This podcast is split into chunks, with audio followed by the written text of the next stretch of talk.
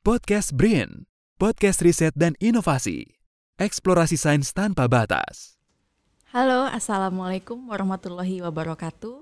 Selamat datang di podcast Badan Riset dan Inovasi Nasional. Saya Ayu Nurinsia akan memandu rangkaian episode podcast Keanekaragaman Hayati Indonesia. Podcast ini terselenggara atas kerjasama Deputi Fasilitasi Riset dan Inovasi dan Organisasi Riset Hayati dan Lingkungan. Podcast ini juga diadakan untuk memperingati Hari Biodiversitas Internasional tanggal 22 Mei mendatang dan eh, dalam rangka untuk mensupport kegiatan presidensi G20. Dalam episode kali ini telah hadir seorang peneliti BRIN, seorang ekologis, konservasionis, dan beliau juga masih muda. Namun karya-karyanya sudah mendunia. Dan kita akan berbincang-bincang nih dengan beliau dengan tema mengejar mimpi dari Wai Canguk. Jadi selamat datang di podcast BRIN Pak Suyadi. Ini karena masih muda saya manggilnya Pak atau Mas, Mas aja? aja Mbak. Mas Oke. aja. Jadi selamat datang Mas Suyadi, senang sekali Mas Suyadi menyempatkan hadir di sini ya di tengah-tengah kesibukan di lapangan Ya, mungkin ya ke ya. hutan ya. Terima kasih. Dan eh, saya sebetulnya pertama kali ketemu Mas Suyadi ini tahun 2008 ya Mas ya. Betul, betul. Nah, jadi beliau adalah senior saya sebagai duta lingkungan eh, di Bayer yang Environmental Envo ya Mas ya. Betul.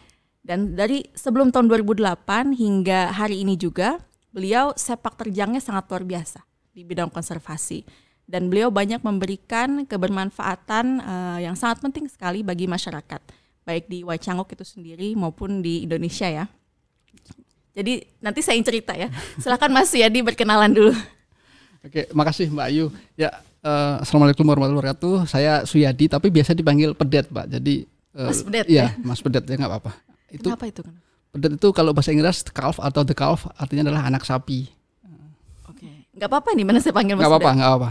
Ini ada cerita nih sepertinya ya. Nah, jadi tapi sebelum sebelum kita eh, masuk ke cerita kenapa dinamain Mas Pedet ya. Ini tema podcast kita kali ini kan tentang mengejar mimpi dari Wacanguk. Dan eh, tahun lalu juga kisah hidup beliau itu sudah diterbitkan oleh Mongabe Indonesia ya Mas ya. Dalam buku Lampung dan Masa Depan Sumatera.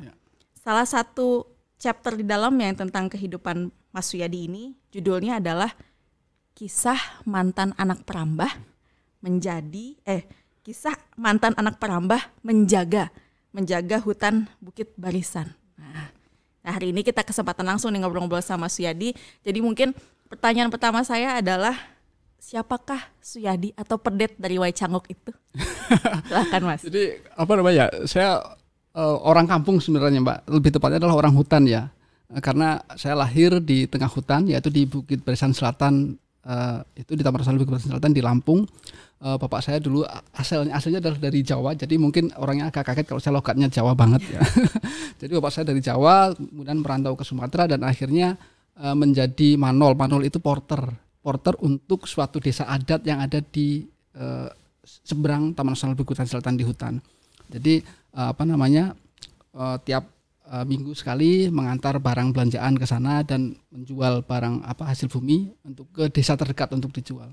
Nah lama-lama bapak saya dan berempat itu waktu itu eh, ditawarin oleh eh, raja raja setempat. Jadi bukan kayak raja di Jawa itu apa namanya besar ya. Kalau sana adalah Busirah itu eh, itu raja kecil sana untuk membuka hutan hutan adat katanya di eh, salah satu kawasan Cawangaru namanya. Nah kemudian berempat itu membuka hutan di situ, udah menjadi desa yang besar dan eh, bapak saya diangkat menjadi kepala suku di desa di da- daerah tersebut. Nah itu udah lama kemudian baru saya lah lahir, eh, berlahir. Jadi saya anak keempat dari tujuh bersaudara, jadi empat apa keluarga besar mbak di desa kecil itu yang terisolir. Jadi waktu itu kita untuk ke desa yang lain itu kita harus apa namanya berjalan kaki dua hari. Jadi kita berangkat biasanya berangkat jam 4 pagi itu terus kemudian menginap di hutan selanjutnya berjalan lagi baru sampai malamnya baru sampai di desa terdekat untuk menjual hasil bumi seperti lada dan kopi dan juga pulangnya untuk membawa seperti gula, garam dan lain sebagainya. Itu jadi dibilang menambah hutan tadi Mas? ya mu- mungkin nah itu setelah apa namanya eh, waktu itu kita tidak tahu kalau itu adalah hutan kawasan. Nah kemudian ketika saya waktu itu sekitar umur lima tahun eh, sebelumnya sih biasanya gajah segala macam banyak mbak di sana ya. Jadi kita eh, waktu hidup di sana ya semuanya bergantung pada hutan. Hampir seluruh hidup kita bergantung dengan hutan. Misalnya karena urusan perut mbak ya. Jadi kita di sana makan dari hasil hutan, terutama untuk kebutuhan protein ya. Dan protein kita makan apa saja yang ada di hutan, misalnya ular atau gajah, uh, tapir, babi hutan, uh, rusa dan lain sebagainya. Itu ya apa pun yang kita makan. Karena kita bukan hobi makan apa namanya hewan-hewan seperti itu bukan, tapi karena kebutuhan kita mau peternak tidak bisa mau peternak baik itu ayam, kambing maupun sapi. Karena kalau siang siang hari suka diterka, apa ayam kita itu diterkam oleh ini ditangkap oleh elang atau mungkin kalau sapi dan kambing itu harimau, beruang dan lain sebagainya itu. Kalau malam saingannya macam. berat ya. Saingannya berat, saingannya berat. Waktu itu masih banyak jumlahnya. Waktu itu banyak. Itu. Oh, terus uh, itu kan tadi dari kisah mantan anak perambah menjaga hutan Bukit Barisan. Nah titik baliknya di mana tuh Mas Yadi dari perambah menjadi konservasionis sekarang? Oh, jadi uh, waktu itu di di desa kami itu tidak ada sekolahan, Mbak ya. Hanya satu sekolahan sekolahan swadaya yang dibangun oleh masyarakat sekolah SD itu uh, gurunya juga cuma satu. Dan akhirnya pada tahun 1985-an ya waktu itu saya usia 4 atau 5 tahun itu biasanya di desa kami itu gajah itu sebenarnya datang biasa. Tapi hanya di pinggir-pinggir aja di pinggir-pinggir kebun makan sedikit-sedikit gitu ya. Tapi pada tahun itu uh, apa ya kalau orang Jawa itu tidak sebaiknya, tidak sewajarnya. Gajah itu dia sewajarnya datang tiap malam bahkan dia mengambil uh, padi yang ada di lumbung kita. Yang ada di lumbung kita itu uh, dibongkar sama mereka, dimakan segala macam bahkan sampai ada yang luka-luka lain sebagainya itu. Saya ingat banget ya waktu itu ada orang yang digotong pakai sarung. Itu karena uh, bapak saya kepala suku jadi berhenti dulu di rumah orang tua saya dan saya melihat ada luka darah banyak sekali dan luka di di bagian dadanya sini dan untuk karena itu karena di apa namanya uh, kena gading gajah ya di seruduk gajah dan sebagainya. Jadi memang dulu kita apa mungkin dianggapnya perambah karena kita memang membuka hutan di situ untuk membuat desa, untuk buat kebun dan lain sebagainya. Uh, tapi itu karena keterpaksaan, Mbak ya, karena kita tidak punya lahan dan lain sebagainya. Dan saya memang lahir ditakdirkan lahir di situ ya, tidak bisa memilih untuk dilahirkan di Jakarta ataupun di mana atau di Washington atau gimana, tapi memang terlahir di tengah hutan itu ya. Jadi ya seperti itu. Terus kemudian uh, waktu SD, kemudian saya pindah satu keluarga itu betul deso namanya, betul deso satu kampung bukan satu itu betul deso ke desa seberang. Karena desa itu adalah ternyata kawasan Taman Nasional Bukit Barisan Selatan yang Cawangaro itu pindah ke seberangnya yang bukan Taman Nasional. Dan di situ uh, kita mulai apa namanya membangun anu yang baru dan uh, waktu itu sekolah juga sangat sulit ya. Untuk SMP kita harus ke desa seberang tadi itu jadi uh, saya sekolah SMP dan kemudian uh, balik lagi ke kampung karena tidak bisa melanjutkan sekolah ya waktu itu karena uh, keterbatasan ekonomi orang tua saya petani dan bapak saya kebetulan udah mulai sakit sakitan waktu itu. Dan ta tahun 1990 berapa ya waktu itu ya. Akhirnya kita balik lagi ke kampung saya udah memendam harapan untuk sekolah jadi tidak bisa saya udah keliling-keliling untuk mencari pekerjaan dan lain sebagainya. Dan waktu SMP pun sebenarnya saya sambil bekerja mbak kerja di pabrik tahu. Uh, jadi waktu kerja di Opera Tahu, di pagi saya kerja, siangnya saya sekolah. Dan uh, ada kenangannya waktu SMP itu Mbak. Jadi waktu SMP itu saya ada kecelakaan ini, jadi kelingking saya ini ini putus waktu saya kelas 2 SMP. Ini saya ingat banget ini hari Kamis jam 9 waktu kerja di pabrik tahu. Ini jadi putus waktu itu dan apa namanya? Karena berjalan ke kampung saya itu jauh, informasinya baru beberapa bulan kemudian nyampe ke orang tua dan kabar sampai ke orang tua katanya pedet tangannya putus. Padahal satu jari itu. Padahal cuma satu jari kayak gitu ya. Dan itu alhamdulillah saya lulus dan saya pulang kampung karena sebenarnya keinginan sekolah tinggi Mbak, tapi ya itu biaya nggak ada dan saya harus membantu ibu saya untuk sekolah. Dan pada tahun 1995 su sudah mulai dibuka jalan. Jalan yang menembus yang apa ke sampai ke desa kami itu. Jalan tapi masih jalan uh, apa namanya? Sebelumnya jalan setapak kemudian dibuka jalan uh, berbatu seperti itu ya. Dan pada tahun 1997 itu datang peneliti dari Amerika Serikat itu uh, bernama Dr. Margaret F. Kinnard atau kita panggil Ibu Maggie dan suaminya Dr. Uh, Timothy O'Brien. Jadi uh, kedatangan beliau berdua itu memang awalnya kita takut Mbak untuk mendekat ya. Karena uh, memang di kampung kami itu jarang sekali orang datang, terus kemudian apalagi orang bule ya, itu jarang sekali orang datang bahkan uh, sangat terisolir gitu ya dan uh, ini ada yang lucu nih Mbak mengingatkan saya uh, Bu Megi dan Pak Tim ini ketika uh, sama sosok Wewe Gombel. Wewe Gombel tuh hantu. Jadi orang tua kami dulu kalau seandainya bercerita apa melarang anaknya untuk main di sungai atau di hutan, mereka bilangnya jangan main ke hutan atau ke sungai nanti ada wewe gombel. Nah, wewe gombel itu di deskripsinya adalah kulitnya putih, terus kemudian rambutnya merah kayak rambut jagung. Nah, itu persis sekali dengan Bu Megi dan Pak Tim itu. Jadi kita takut ya, takut untuk mendekati mereka awal-awalnya. Tapi setelah kita pahami mereka tuh makan seperti apa yang kita makan. Jadi kita makan nasi tiwul, mereka juga mau makan nasi tiwul itu yang dari apa tuh namanya singkong.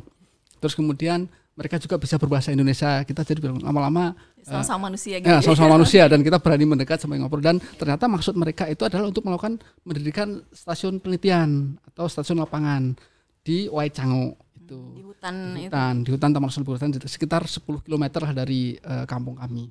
Dan mereka memerlukan bantuan dari masyarakat.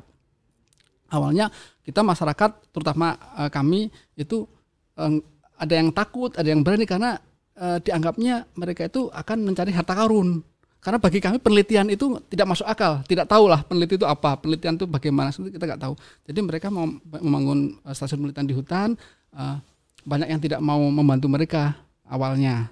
Takutnya nanti jadiin korban untuk apa tuh namanya? Tumbal gitu. Tumbal ya, oh, jadiin iya. tumbal, cari harta karun dan lain sebagainya. Termasuk ibu saya tadinya melarang, tapi karena kebutuhan ekonomi, dan memang terus terang mereka apa namanya upahnya jauh lebih tinggi dibandingkan upah uh, buruh ya. Waktu itu saya pulang SMP bapak saya sakit saya harus uh, kerja apa pun saja ya. Termasuk uh, buruh tani terus kemudian apa namanya jadi kenek itu truk. Kan lagi bangun jalan ya saya nurun nurunin pasir dari truk split dari truk segala macam. Nah akhirnya bapak saya semakin sakit dan harus perawatan ke kota itu dengan terpaksa saya melamar kerja di Waicang itu. Awalnya kami ditolak Mbak, sampai tiga kali kami ditolak kerja di sana karena saya terlalu kecil katanya masih anak-anak waktu itu. Dan oh ya, SMP waktu itu ya? SMP ya. Bu Megi dan Pak Tim tidak mau ambil resiko itu. Nah akhirnya kami datang uh, ditanya kenapa kamu kok kerja lebih baik sekolah? Saat itu saya bilang saya nggak bisa sekolah selain saya maunya kerja semacam akhirnya disuruh tanda tangan waktu itu. Saya tanda tangan supaya tidak apa mempekerjakan anak di bawah umur. Karena kan mereka orang anu ya tidak mau menyalahi aturan ya udah saya tanda tangan orang tua saya cap jempol karena nggak bisa tanda tangan. Bagi kami nggak masalah ya anak-anak itu orang kampung itu bekerja itu biasa. Bahkan kalau nggak bekerja dianggapnya pemalas. Dan akhirnya kami bekerja pekerjaan pertama kali adalah sebagai apa namanya membuat jalur penelitian. Jadi jalan setapak untuk penelitian kayak gitu. Nah kita datang akhirnya dan lama-lama menjadi cleaning service. Waktu itu 1997 ada kebakaran hutan yang hebat.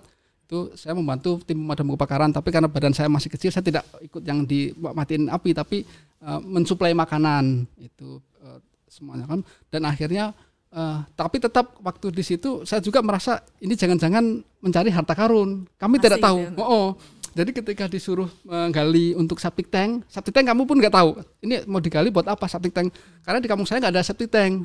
Kalau pup ya buang di sharing gitu aja, ya. oh, di sungai gitu aja. Tapi kita takut, takutnya nanti tiba-tiba kalau menggali diuruk lah untuk jadiin korban jadi itu oh, tumbal. jadi tumbal. Nah, itu tapi lama-lama uh, saya di uh, diajak ya untuk penelitian. Penelitian pertama adalah penelitian pasca kebakaran, untuk penelitian uh, tumbuh-tumbuhan, terus kemudian penelitian berbagai macam uh, apa namanya suksesi hutan ya, suksesi hutan, terusan satwa liar dan sebagainya.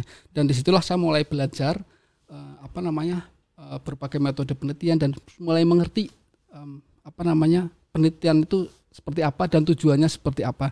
Tapi memang kita hanya sebagai teknis waktu itu sasaran teknis dan kita mulai tahu juga mereka udah ngasih tahu bahwa hutan itu penting buat kita. Terus kemudian gajah dulu yang kita buru, yang kita makan segala macam itu penting buat kita bahkan dulu uh, rangkong ya burung rangkong yang besar itu kita dulu sering banget itu hobi uh, berburu itu untuk dimakan semacam ternyata dia sebagai petani hutan nah itulah di situ mulai uh, titik baliknya.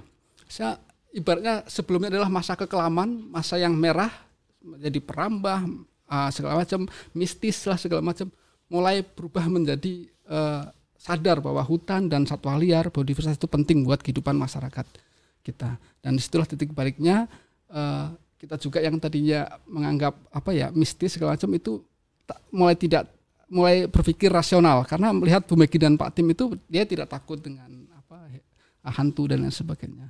Di situ mulai situ kemudian pada tahun setelah saya bekerja sekitar dua atau tiga tahun saya memberanikan diri untuk mendapatkan beasiswa SMA saya waktu itu takut sekali ya ke mana ada orang yang mau memberi beasiswa SMA dan alhamdulillah Bu Megi dan Pak Tim eh, timnya itu setuju untuk eh, apa namanya membiayai saya untuk SMA itu eh, tapi SMA-nya SMA yang berbeda dengan yang lainnya Mbak tapi SMA Gimana hutan Tema hutan tuh bagaimana? jadi SMA hutan itu kita hanya ke ke sekolahan itu saat ujian saja.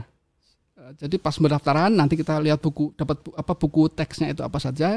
Terus kita belajar di hutan di Waecango itu. Jadi guru-guru saya itu peneliti-peneliti itu, Wah luar biasa. Langsung peneliti-peneliti peneliti. para peneliti itu. Jadi ada yang kebetulan bagus di bahasa Inggris saya belajar kepada mereka, bagus di eh, kimia, bagus di biologi.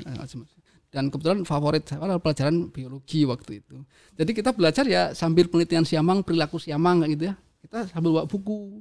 Itu saya bawa buku segala macam dan alhamdulillah lulus dan eh, kita apa sampaikan ke Bu Megi dan Pak Tim itu untuk hasilnya dan saya coba approach beliau untuk eh, beasiswa S1 dan alhamdulillah dapat beasiswa S1 dari beliau. Dan selama beasiswa S1 alhamdulillah dapat beberapa kesempatan termasuk dengan Mbak Ayu dulu BYI itu. Terus kemudian ada beberapa lah ya dari situlah mulai eh, terbuka ya. Banyak alhamdulillah banyak eh, riset grant untuk S1 bahkan S, saya apa namanya penelitian saya S1 itu deforestasi itu di daerah eh, kampung saya itu. Canggu gitu. Eh, di pemerihan di Waitangi sekitar Sungai Pemerihan. Nah itulah saya mulai tahu kenapa dulu eh, kita apa namanya ketika saya umur 45 tahun itu betul deso segala macam itu bisa oh ternyata ada eh, apa namanya ya program dari apa namanya untuk pengosongan hutan dan lain sebagainya. Itulah. Dan ya. Mas Padet itu asalnya dari sekolah beratapkan langit, mm, terakhir mendapatkan PhD di University of Auckland, New Zealand. ya alhamdulillah Itu luar biasa sekali Mas. Coba mungkin bisa di-share siapa tahu ada orang-orang yang terinspirasi dan mengi- mengikuti jejak gitu loh Mas. Nah, memang benar mbak. Apa namanya sekolahan saya dulu uh, atapnya tuh welit welit itu apa ya? Ilalang. Ilalang. Dindingnya itu sekolahan SD ya dindingnya itu dari kulit kayu. Jadi lantai itu lantai apa namanya tanah.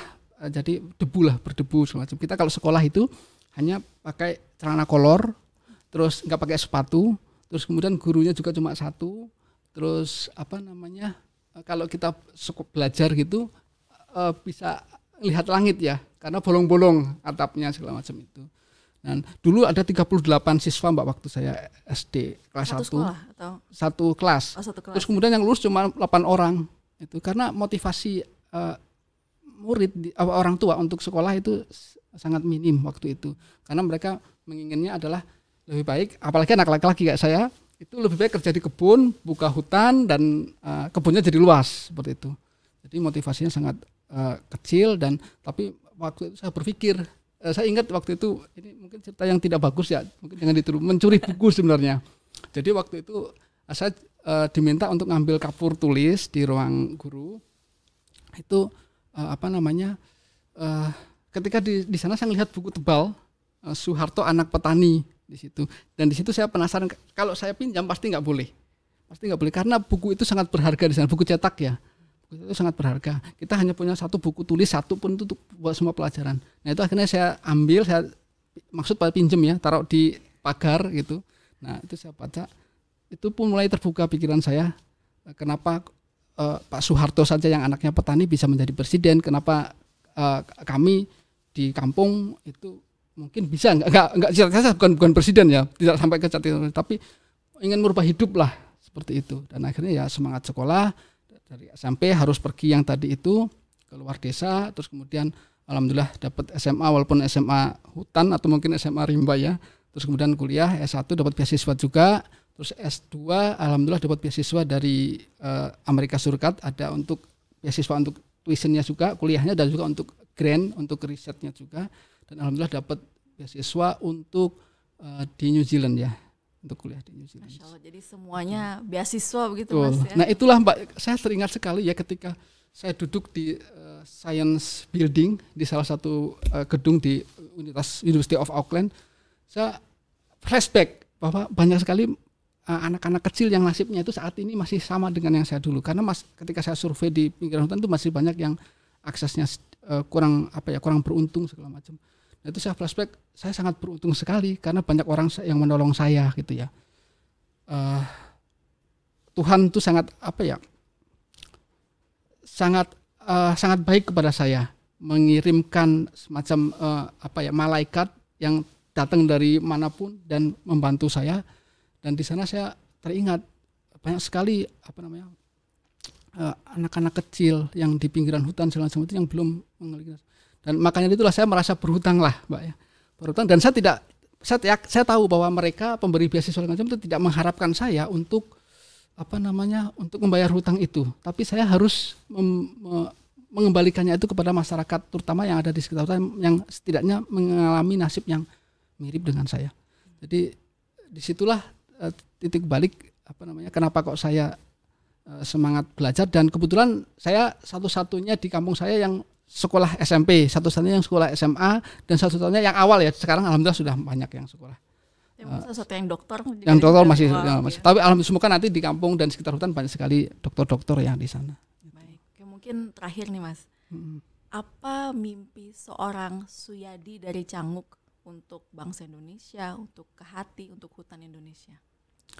Ya uh, kebetulan yang pertama mbak ya kebetulan kemarin saya membaca salah satu hasil penelitian itu bahwa anak orang miskin itu akan untuk akan apa ya untuk menjadi sukses itu kecil. Jadi orang-orang miskin akan selalu menjadi miskin. Itu hasil penelitian. Kemarin baru saya baca itu. Dan uh, di situ kemungkinan besar ya karena keterbatasan kesempatan, kesempatan untuk belajar, kesempatan untuk mendapatkan fasilitas. Apalagi sekarang sekarang zaman sekarang untuk teknologi dan lain sebagainya. Karena orang-orang miskin itu sulit untuk mendapatkan kesempatan. Dan akhirnya dengan adanya keterbatasan kesempatan itu akhirnya otomatis mereka juga kesempatan untuk membangun ekonomi itu sangat sulit. Dan di situlah semoga aja kita ke depannya bisa membantu mereka dan untuk teman-teman yang eh, anak-anak uh, ya yang mengalami nasib seperti saya atau serupa dengan saya, jangan uh, patah semangat untuk itu ya. Kita bisa untuk melakukan apa perubahan itu. Itu yang pertama. Terus yang kedua terkait dengan konservasi nih Mbak.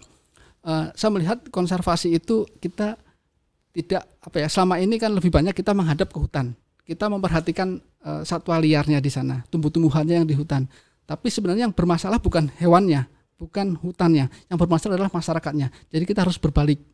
Kita harus membelakangi hutan. Bukan berarti kita tidak peduli dengan hutan, tapi menghadapi yang bermasalah adalah masyarakat yang di sekitar hutan ini. Karena masyarakat di sekitar hutan ini itu adalah ibaratnya pagar. Kalau masyarakat di sekitar hutan ini diberi pendidikan yang sangat bagus, diberi kesejahteraan yang sangat bagus, mereka akan menjadi pagar.